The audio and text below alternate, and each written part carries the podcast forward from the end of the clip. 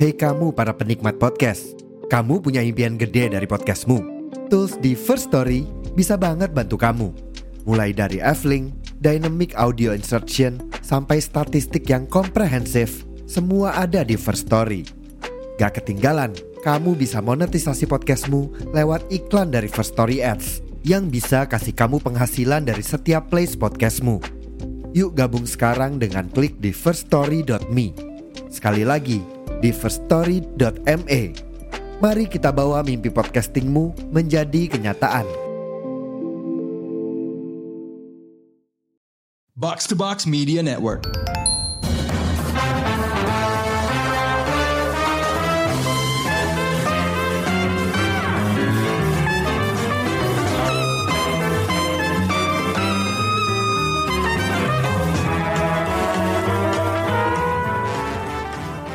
Hai pendengar Showbox, masih mengisi awal tahun ini dengan review buat film-film akhir tahun 2023 kemarin yang belum sempat direview. Kali ini kita bakal membahas film Netflix original Rebel Moon Part 1. Film Zack Snyder ini sebenarnya cukup menuai hujatan ya, tapi apa iya sejelek itu? Biasanya gue nih jadi orang yang pertama yang mengkritik Zack Snyder karena banyak film-film dia yang nggak sesuai dengan selera gue. Contohnya Sucker Punch itu menurut gue film yang sangat style over substance dan Man of Steel tuh yang aduh kok kayaknya film superhero so dark banget gitu. Tapi sebenarnya sejak Justice League Snyder Cut dirilis, gue udah lumayan suka lagi sama Snyder. Army of the Dead pun yang merupakan film original Netflix dia yang sebelumnya itu juga seru buat gue. Jadi kenapa dong Rebel Moon dihujat? Um, Oke, okay, kita langsung aja ngobrol bareng Krisnan dan Rengga soal film ini. Jadi film ini guys dapat skor rendah banget. IMDb-nya 5,6, Rotten Tomatoes-nya 23%, itu rendah banget ya. Dibantai banget kayaknya. Ya, nah setelah lo nonton filmnya, setuju atau enggak lo sama skor ini? Dan uh, apakah menurut lo ini hanya karena orang pengen asal benci Snyder aja gitu? Waduh. Fenomena apa sih? uh, gua sih, gua gua gua sebenarnya dulu dulu gua ngefans sama si Zack Snyder ini. Gue suka banget sama tiga film pertama dia kan, si apa sih Dawn of the Dead, 300 sama Watchmen. Tapi mm. emang habis itu nggak ada yang terlalu istimewa lagi sih emang buat gue dan apa ya walaupun menurut gue uh, Sucker Punch setuju banget itu style over substance banget tapi gue masih bisa nonton lah terus gue Man of Steel juga masih bisa nonton lah gitu tapi ya bang film ini jelas nggak termasuk yang terbaik dari dia juga sih. Ya mungkin masih watchable juga ya tapi jelas nggak yang terbaik sih. Tapi emang sebenarnya ini kan sejak gara-gara Justice League-nya uh, yang cut-nya dia dirilis tuh ya walaupun nih dari yang orang-orang yang gue kenal aja ya mm. itu banyak banget sih yang sebenarnya terus tiba-tiba jadi suka uh, Zack Snyder gitu gitu. Padahal menurut gue ya karena itu filmnya biasa aja sebenarnya cuman karena yang versi bioskopnya hancur banget aja gitu.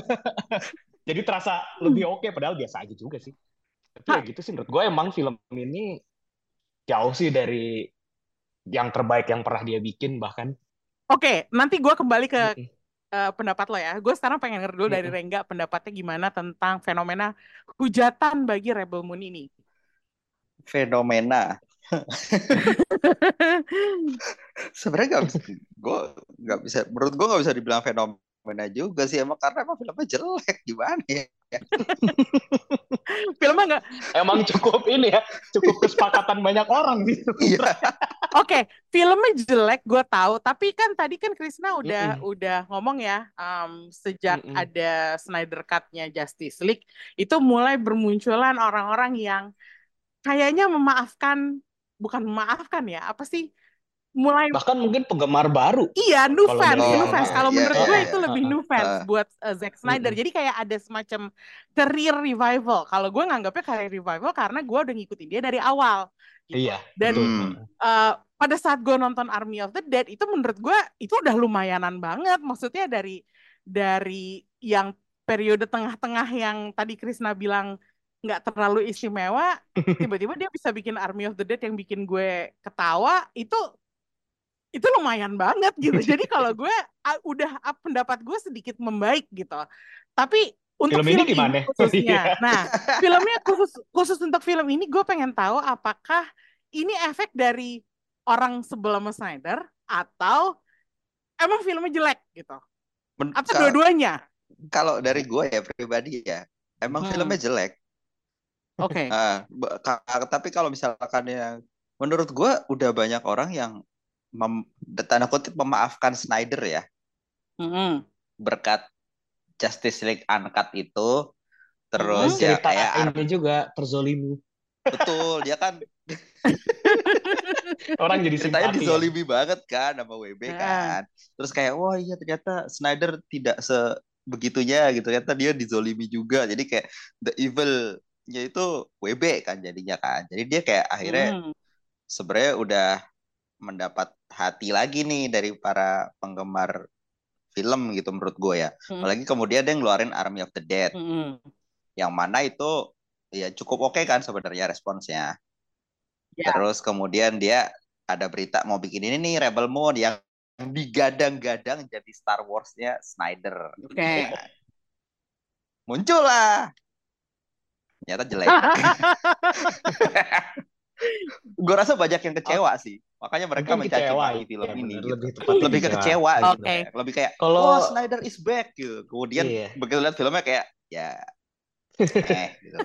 kalau kalau buat gue pribadi sih gue nggak pernah yang nggak suka banget gitu ya karena dulu gue suka sama film-film dia jadi selalu gue selalu merasa ada harapan eh, bisa suka lagi sama karya dia gitu tapi ya emang ya itu ya setuju sih emang yang yang ini si Rebel Moon menurut gue bukan film dia paling jelek tapi emang nggak nggak solid juga gitu Oke, tunggu Chris. Lo Mm-mm. bilang ini bukan yang terjelek, tapi menurut lo film Snyder terjelek tuh apa? eh Justice League bahkan yang versi yang, cut juga yang, yang cut apa yang uncut tuh ya. yang yang versi dia yang cut dia itu udah termasuk yang butut sih sama ini ya apa eh, Dawn of Justice tuh juga juga kan Batman Superman Oh Iya. ya iya. dua itulah Iya. Oke. Emang sepertinya dia nggak usah nge-direct film DC kalau yang mainstream kayak maksudnya Watchmen boleh lah itu kan Iya. eh, masuk properti DC style juga dia gitu. Heeh. Iya, Iya. gitu. Oke. Tapi menurut lo nih sekarang ya dari Red Moon, apa dosa terbesar film ini buat lo?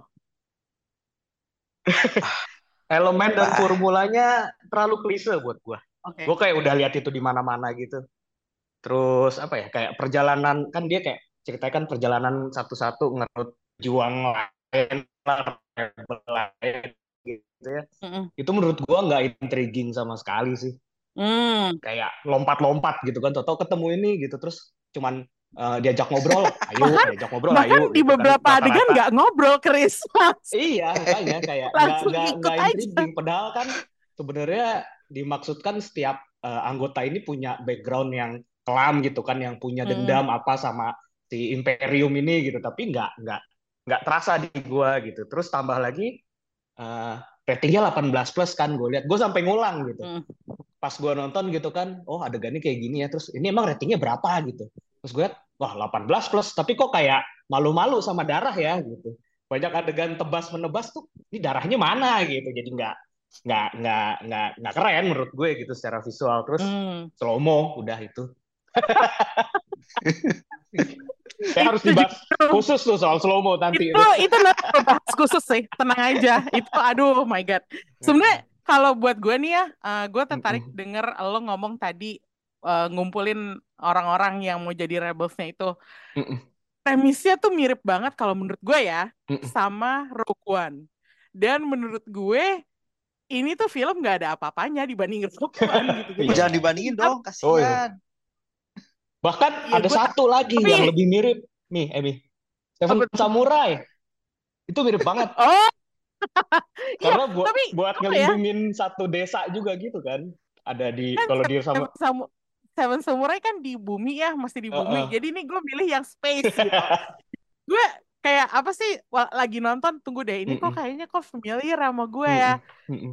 Eh, kayak gini kayaknya pernah gue nonton di mana sih gitu terus tiba-tiba adek gue nyeletuk eh ini ada ini di Disney Plus terus waktu dia nyebut Disney Plus gue kayak oh iya Rogue One terus gue kayak bener. aduh sayang banget nih Dunianya juga terlalu mirip kan. Rogue One iya iya gitu jadi gue kayak apa ya mungkin dosa terbesar itu adalah mencoba meniru Star Wars kalau buat gue ya gue gak tahu Mm. nih kalau Rengga apa nih dosa besarnya Rebel Moon Iya, itu tadi udah banyak disebutin sama Krisna juga, sama Hmm. lo juga, tuh kan. Ditambah eh, terlalu mencomot apa ya, nyomot sana sini gitu loh. Jadi kayak Hmm. terlalu gado-gado, Hmm. kayak lo nggak punya original story gitu. Ini kayak semua semua yang ada di sini tuh udah pernah diceritain di di media lain, di film, di game, di mana-mana. Terus kayak udah campur aja ublek jadi satu, kocok kocok kocok kocok kocok jadi gitu.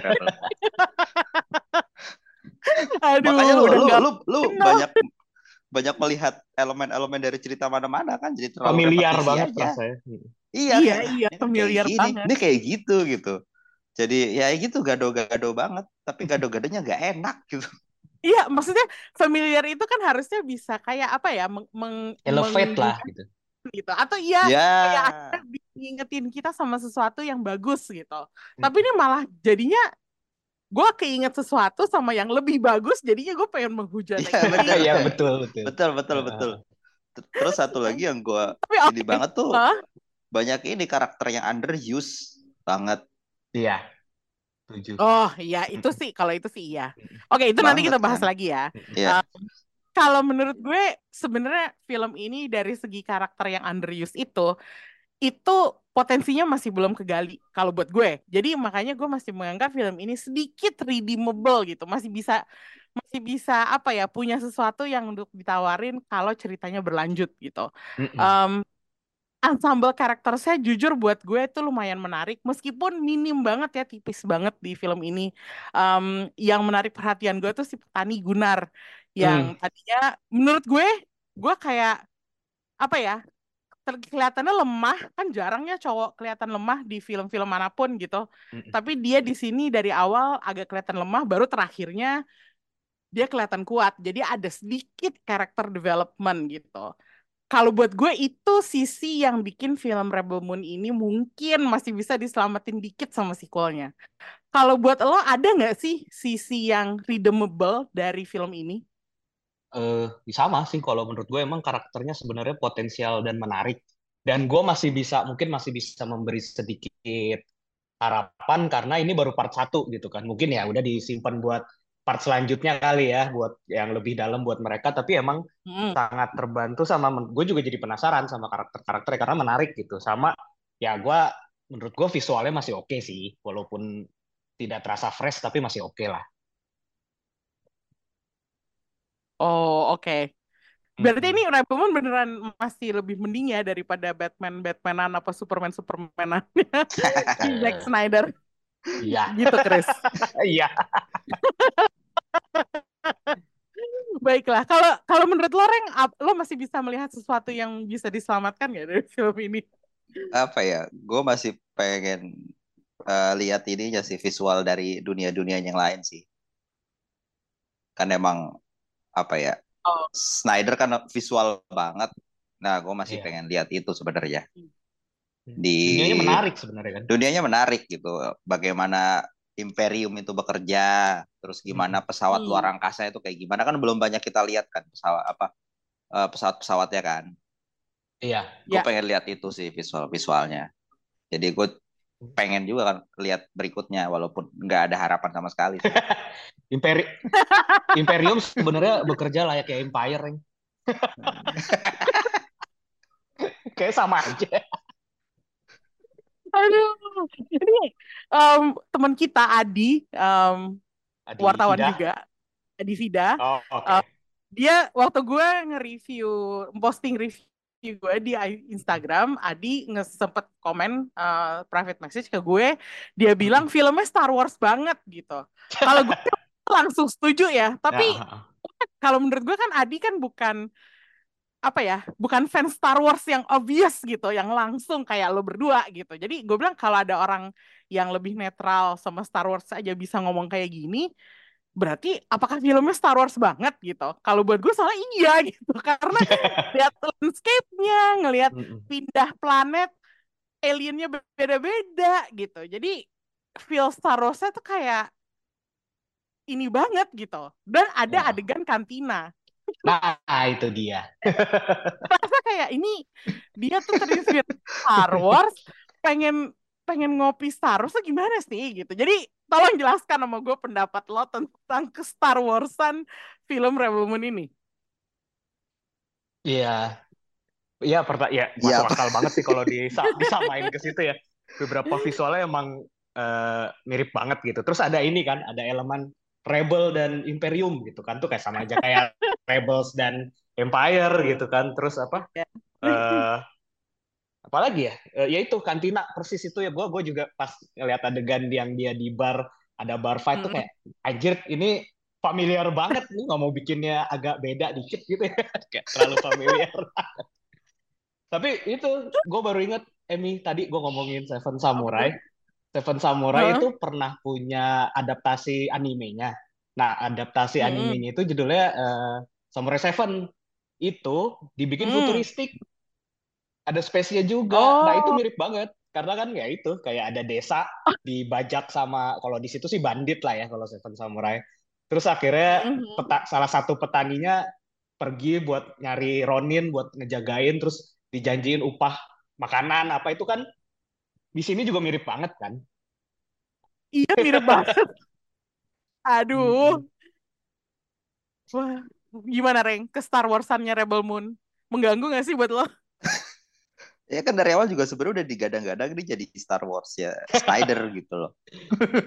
ya dulu dulu Guardians of the Galaxy itu juga sempat disebut kayak Star Wars-nya generasi 2010-an gitu kan tapi beda kan Ya tapi beda. Cuman terkenapa kenapa di sini kayak jadi ini plek-tiplek banget gitu. iya. Jadinya kayak Does it bother aduh you? apa ya? Ah, nggak juga sih sebenarnya. Cuma ini terlalu mirip, tapi apa ya? Star Wars versi Snyder kali ya bisa lo bilang. Bisa dibilang begitu. Mengganggu sih enggak, gue Iya. kayak pengen lihat aja kayak gimana dia mereplikasinya. Ternyata plek-ketiplek banget gini kayak lo nggak ada ide yang lain apa gitu. Atau Jujur jadi aja ya guys, homage, kalau ngomongin- ngerti juga gue. kalau ngomongin apa ya plek ketiplek, kalau menurut gue em, trilogi yang em, baru ini Star Wars eh, Force Awakens dan teman-temannya Ah. waktu Force Awakens yang muncul itu tuh gue merasa juga J.J. Abrams tuh lumayan mirip gitu. Jadinya Mm-mm. bukan sesuatu yang fresh buat gue. Mm-mm. Jadi makanya gue lebih seneng The Last Jedi akhirnya kan. Tapi di sini tuh kelihatan kayak apa ya? Mohon maaf kalau kata-katanya terdengar kasar, tapi kayak cheap imitation gitu. Rebel Moon tuh jadinya kayak imitasi murahan gitu. I'm sorry, tapi apa ya? Apakah ini efek karena dia kan film bioskop, tapi merupakan film OTT atau atau apa gitu? Karena gue merasa kayak ya omas tuh omas ya, tapi jangan kayak gini dong gitu loh. Ngerti gak sih? Iya. ada sedikit elemen ini juga gak sih gue baru inget Dune Iya. Nah ya. Dune. Tapi kalau Dune-nya sih kalau menurut gue bisa dimaafin ya karena Dune itu juga menginspirasi George Lucas Iya. gitu. Mm-mm. Itu bisa bisa bisa gue maafin. Tapi yang ini tuh gue merasa oke Star Wars ada apa ya omas yang bagus. Tapi ada juga omas yang kalau menurut gue jadinya kayak ke sana tuh males gitu. Mm-mm. Ini tuh yang ke sana tuh males. Jadi kayak ya udah gue ambil aja apa yang gue suka dari Star Wars tanpa gue berusaha menciptakan sesuatu yang baru akhirnya jadinya kayak gini gitu dan gue merasa agak terganggu sih sama itu Star Wars si siapa eh, terakhirnya juga si Ed, Ed Screen-nya selamat Hidup gitu kan lagi. kayak Mm-mm. kayak anakin banget kan Oh iya, masuk petateng. Heeh. aduh untung Iya, keluar iya. nggak pakai nggak pakai kostum baru dia Iya. untung tetap Kayaknya begitu iya sih. Kayaknya pakai kostum baru sih, jangan pakai Iya, topeng Con, ntar iya. dia keluar. Terus suaranya gitu lagi. ya kan jatuh dikira udah mati diselamatin sama eh, pesawatnya Iya gitu juga terus ya. kayak iya terus di disembuhin terus diomelin sama Empire-nya anjir Ih, ngakin sama nih banget ya. Akhirnya. setelah dipikir-pikir kayak Nah, ini makanya lo lo nggak terganggu kah? Maksudnya fan Star Wars yang lebih Star Wars daripada gue gitu. setelah lu terganggu setelah lu ngomong gue jadi kayak iya semua elemennya sama ya bahkan tiap adegannya sama ini Star Wars home video kayak Versi Star Wars OTT. Iya. Star Wars OTT ya Aduh. Ya. Jadi kalian nggak terganggu ya? Ya, Masih masih tetap apa ya? gue mencoba menikmati aja sih kayak ya sama lagi Hmm. ya sama lagi gitu tapi gue pengen ya udah nonton aja lah gitu Kayaknya kalau gue nontonnya di bioskop, lo gue lebih bete sih. ya kalau gue nonton di bioskop gue kesel sih ya, untung di OTT ya bener itu tadi balik lagi ke poin gue. Apakah gue merasa ini sebagai cheap imitation karena nontonnya di OTT gitu? Atau eh, kalau nonton di bioskop apa perasaan gue bisa lebih baik gitu? Misalnya, gue rasa Gua enggak sih ya. gue bakal lebih lebih kesel bete ya. sih gue enggak ya? lebih kesel sih kayaknya Oh, kalau nonton di bioskop lebih banyak misu-misunya ya jadinya ya. iya karena gue bayar gitu. Bayar dan menghabiskan waktu di bioskop gitu untuk menonton ini. Dan dan di sini nggak ada Iko Uwais ya meskipun eh, Expendables kemarin juga buat kita bayar buat tidur di bioskop. Iya. At least ada Iko-nya gitu. Yang ini udah nggak ada Iko. Mirip banget sama Star Wars. Oke oke. Em, moving on. Gue sekarang pengen ngomongin yang tadi udah disebut sama Krisna slow mo ini aduh gue nggak tahu gimana ya. Ini gayanya si Snyder tuh kentara banget ya di film ini. Ya dan maksud gue by kentara tuh kayak obvious banget diumbar penggunaan slow mo buat adegan-adegan action. Atau bahkan nggak usah bag- adegan action ya.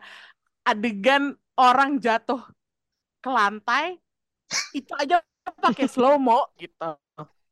Kayak dia tuh gatelan banget ngomong ke editor gua mau pakai slow mo buat semua gitu. Jadi tolong pilihin shot-shot yang semua bisa jadi slow mo gitu. Gue kayaknya merasa dia ngomong kayak gitu gitu. Dan gue nggak melihat ini sebelumnya di Army of the Dead Hmm. gitu jadi gue nggak ngerti kenapa tiba-tiba Snyderism ini muncul lagi di sini dan apa sih itu mengganggu banget sih buat gue gue nggak kalau Krisna mungkin keganggu juga ya karena tadi disebutin gitu mm-mm. ada nggak sih karakteristik lain dari gaya um, syutingnya Snyder yang lo nggak suka? Hmm. apa ya Kalau kalau yang gua nggak suka sih ya itu slow mo-nya aja sih. Tapi kalau yang Snyder banget yang tetap ada di sini itu ya visualnya kan, yang backgroundnya apa segala macem, terus yang kayak panel komik banget gitu kan. Itu kan masih keluar di sini.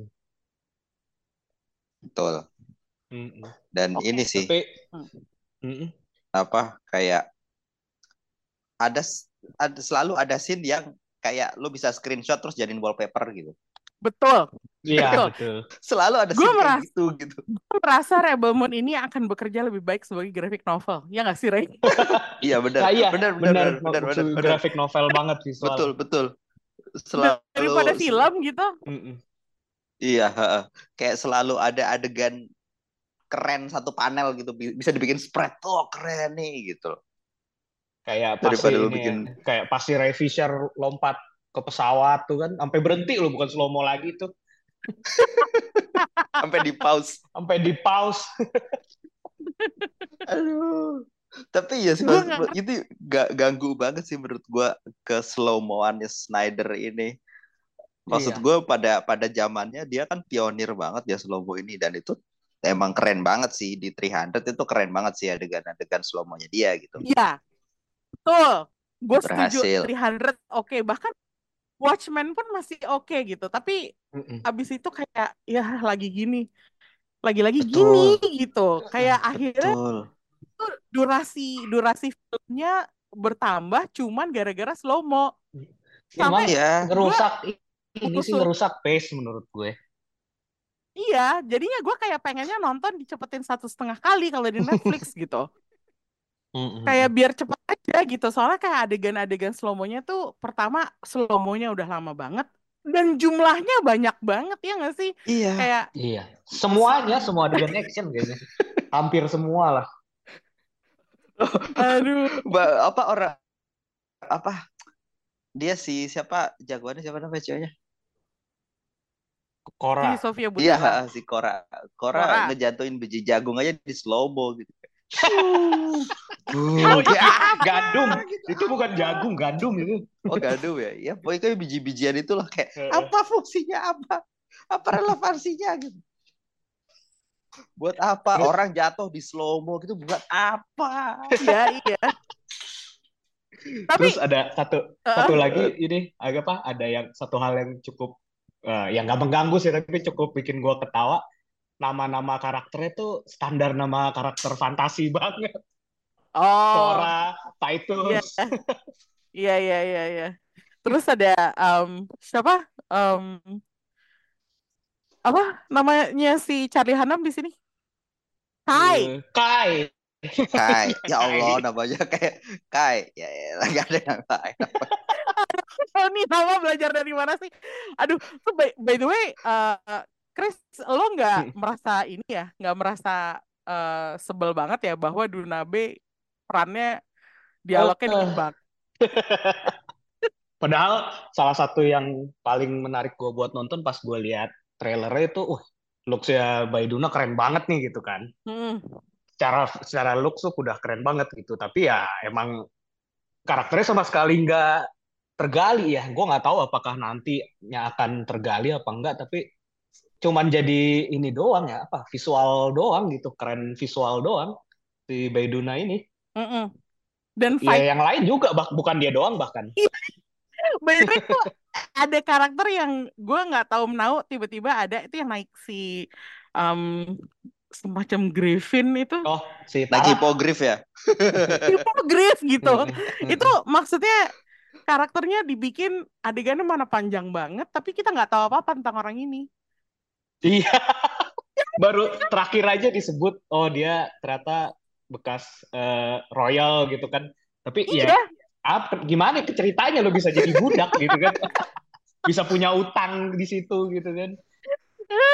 Terus ini gak sih kayak eh, lumayan stereotype kayak yang Baiduna mukanya Asia, jago martial arts. Iya. Terus si Tarak apa yang karena dia apa ya kayak jago sama binatang, mukanya agak eksotis India gitu. Iya, aduh, aduh gimana? Sementara pilotnya white gitu kan kayak anjir stereotype banget.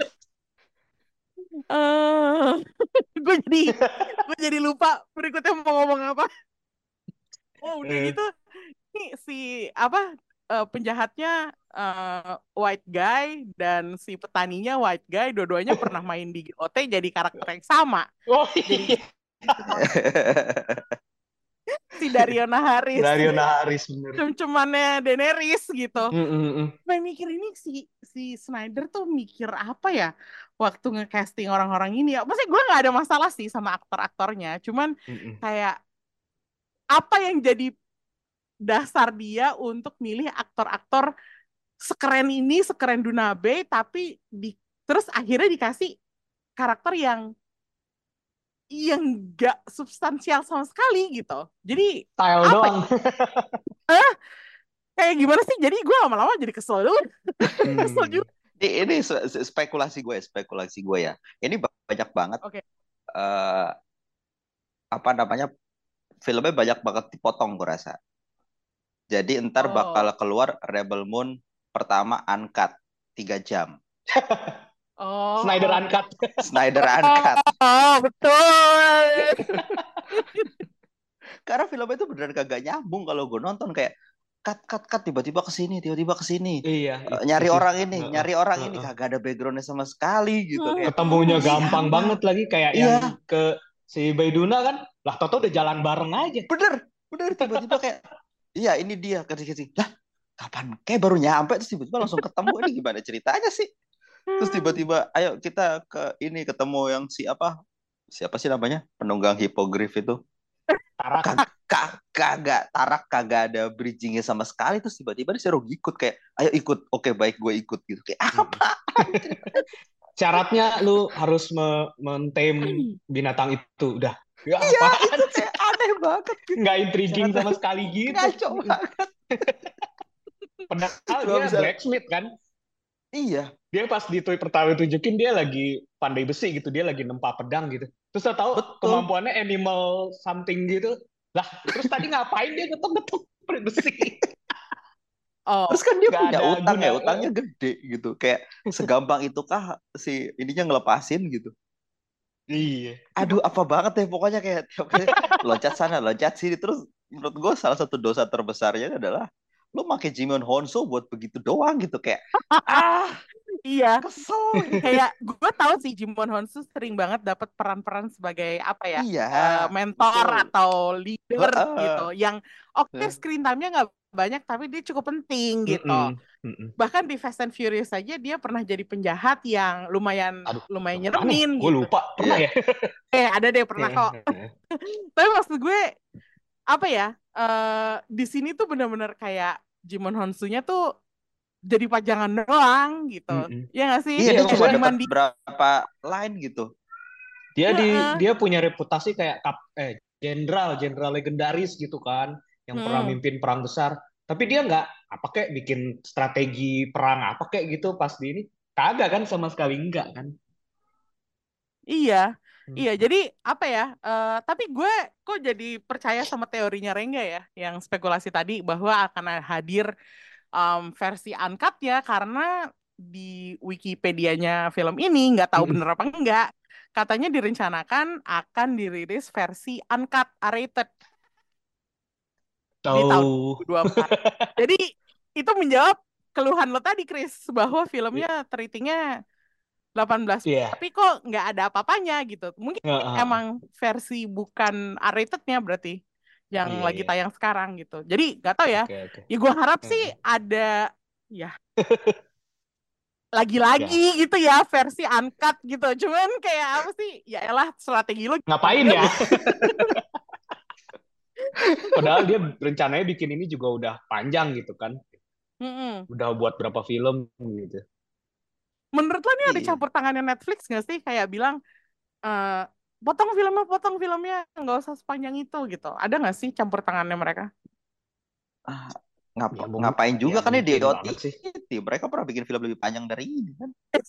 Iya sih, film Ya memang itu Saya kalau sih ya. kayak kalau mereka kayak gitu ya mereka mengkhianati statement mereka kan yang di mana mereka Mm. menjanjikan ke para filmmaker biar mau eh, kerja untuk mereka bikin film untuk mereka kan mereka menjanjikan kebebasan kreatif kan Hmm. ya harusnya sih harusnya sih enggak ya Tapi kan film ini kan sempat uh, tayang di bioskop Amerika kan?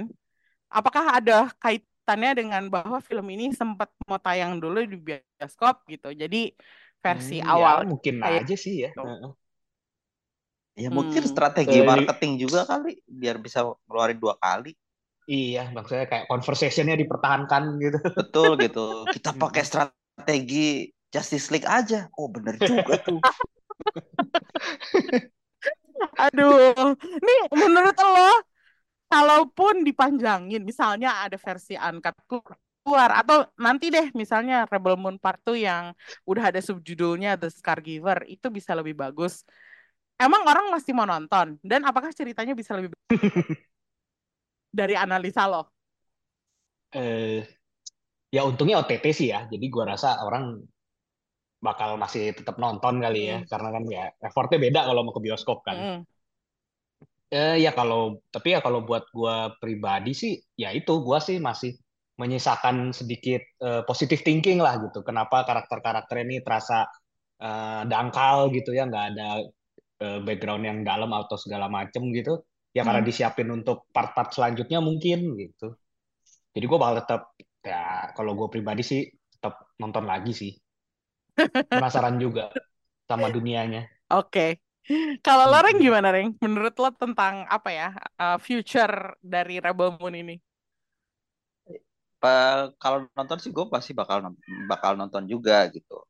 Karena gue juga penasaran Mm-mm. sebenarnya kayak, kayak kayak gimana lagi sih ceritanya gitu. Hmm. Apakah bakal seperti yang Hmm. pertama yang comot sana comot sini atau mungkin ada Hmm. sesuatu yang surprise gitu itu lebih Mm-mm. bagus gitu. Mm-mm. Gue penasaran juga. Soalnya bener Hmm. kata Chris kan kayak, ah di karakternya cetek banget sih, kagak ada backgroundnya sama sekali gitu. dan dan jujur Hmm. gue sebenarnya gue cukup suka si Sofia Boutella ya di di Hmm, sebagai apa Hmm. ya sebagai aktris action gitu punya potensi dulu pertama kali waktu nongol Hmm. di di mana Kingsman. Kingsman dia keren banget itu menurut gua Kingsman. Iya. Heeh, yang kakinya pisau itu Hmm. Iya. ya cuma kayak dia belum dapat Mm-mm. belum dapat apa ya belum dapat peran yang bisa breakthrough buat jadi action star aja sih Sebagai pemeran utama sih ya. ya sebagai Jadi lo peran utama menantikan apa? iya Jadi lo menantikan apakah Rebel Moon Part 2 itu bisa akhirnya bikin dia establish ya sebagai apa ya top leading lady buat action gitu. betul Hmm. iya heeh. Oke, jadi kita lihat aja nanti Rebel Moon Part 2 Mm-mm. kabarnya gimana. Gue rasa penghakimannya lama nanti penghakiman sesungguhnya nanti di part 2 sih. Kayak kalau masih sebutut ini gitu ya gue rasa nggak akan dilanjutin juga sih sama Netflix.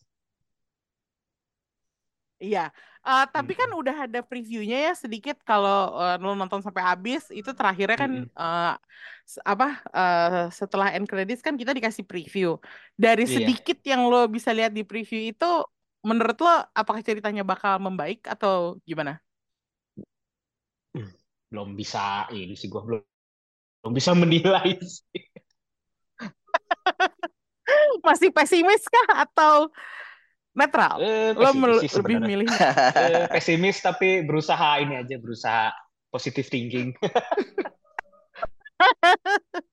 Istilah apa ya? Krisna Nonton dari dulu dulu deh gitu. merupakan Iya, nih Krisna dari dulu selalu sepertinya paling apa ya, paling baik kalau di antara reviewer majalah All Film eh, selalu bisa melihat sisi positifnya. Sementara gue kalau udah nggak suka ya udah nggak suka aja gitu. Tapi gue lebih pengen ini sih sebenarnya apa, penasaran dengan background karakter masing-masing karakter gitu. Hmm, ya, penjelasannya tuh kayak gimana? Kan kayak cuma dijelasin pas mereka ketangkep wah si ini anu si ini ini gitu kayak apaan? Gitu.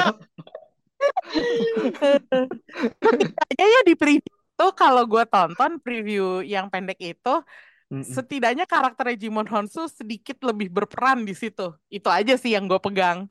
Kayak akhirnya dia nggak nggak bakal jadi pajangan lagi. Setidaknya di pre- di Rebel Moon Part 2 dia dapat dialog lebih gitu. ya itu harus sih gila banget kalau misalkan dia nggak dapet ini soalnya kan ceritanya Iya sih. jenderal Maksudnya wah gitu kan jenderal besar gitu ceritanya udah dimandi Yang yang beneran Udah ex, dimandi. udah? Dimandi. Habis dimandi tetap banyak semen gitu di badan. Iya. Tanggung banget.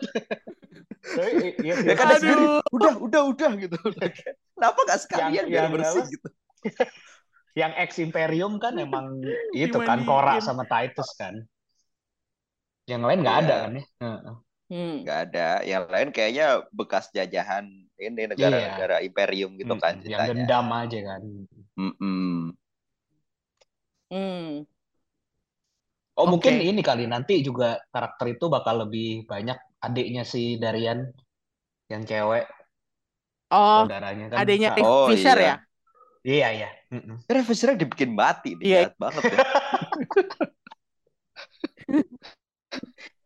Padahal gue baru udah seneng loh dikasih kerjaan lagi. Makanya Iya, dia udah. bela jarang ya. Banget. Mm-mm. Belain Snyder banget terus dibikin mati. Gue ya jahat banget ini Snyder. Kenapa? Masih ada potensi flashback. Nanti kalau ada flashback Oh iya, Iya. betul. Oh iya, betul betul bisa betul. muncul, bisa muncul. Iya iya. iya. Bisa muncul. Charlie Hunnam juga disia-siakan itu. Aduh, buset deh. Tapi kalau Charlie Hunnam udah lah, lo nonton King Arthur aja deh sih kalau menurut. Oh, iya sih. Ya. Tapi karakternya beneran blend banget sih ke Charlie Hunnam itu. Iya. Nebak ya sih bahwa dia tuh bakal berkhianat. Kalau gue sih udah nebak dari awal. Ya, Udah dari, dari nebak, awal juga udah kelihatan gitu kayak Dari ya elah kapan dia mah dia muncul, dia udah kelihatan sebagai lo bakal berkhianat gitu. Mm-mm. Cuman gue pikir berkhianatnya bakal penting lah gitu. Maksudnya maksud gue nggak mati gitu, bakal berlanjut gitu. Iya, Tapi ya iya. udah gitu aja. iya gue gue kira dia bakal berkhianat terus ntar ya kayak Han Solo gitu. Tapi Han Solo Iya, udah iya. berkhianat sih. Dia bakal ngeridim. Ada redemptionnya. mati, bilang. Heeh. Iya ada redemptionnya. Ternyata ya mati gitu. Udah gitu aja. Soalnya mahal kali pakai Charlie Hunnam terus-terusan. Hmm. Eh, Ya lagian lu pakai Charlie Hunnam dipakai karakter begitu. Suruh, suruh siapa? Oh, ada satu lagi yang yang ini sih yang ya emang kayaknya wajar kalau itu belum diceritain di film pertama ya si android Si itu itu. si Jimmy. Iya si Jimmy. Anthony Hopkins itu lebih Anthony Hopkins Anthony itu. Hopkins itu ngenesin daripada Jimon Honsu kalau menurut gue. Kayak udah badan sendiri, suara doang Anthony Hopkins, tapi nggak ada ceritanya. Hmm, Tapi kalau gue rasa sih kalau dia emang belum masih make sense lah. Dia Iya. emang belum saatnya involve ke cerita kali ya. Karena dia kan nggak ikut trip itu juga kan. Iya kayak lebih disimpan sih Hmm. ke ini kedua. Tep- Karena dia kayak lumayan overpower juga ya. Kayaknya kan kalau kalau dia ngikut dari awal. iya, heeh. Oh, bisa jadi sih, bisa jadi. Tapi gue sebenarnya sedikit terganggu dengan desain ininya ya, desain desain si robotnya itu ya. Hmm, si droid It- itu. Betul. Itu siapa yang punya waktu bikin ukiran segitu banyak di robotnya? Pabrik, Reng, pabrik. Pabrik. Itu udah mesin.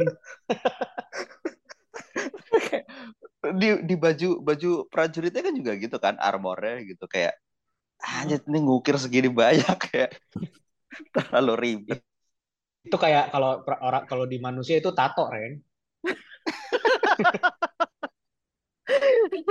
Identitas. itu ngasal aja ya yang penting udah ya udah deh ini aja ngasal aja karena film sendiri kayaknya kok ngasal juga bikinnya gitu Eh, jangan lupa ada koristol. terus mati mati pula digebukin sama es krim Digebugin. Mungkin pakai apa sih? Oh pakai itu ya, apa? Tongkat Tongkat itu ya. tulangnya itulah. Iya, bonggol tulangnya itu.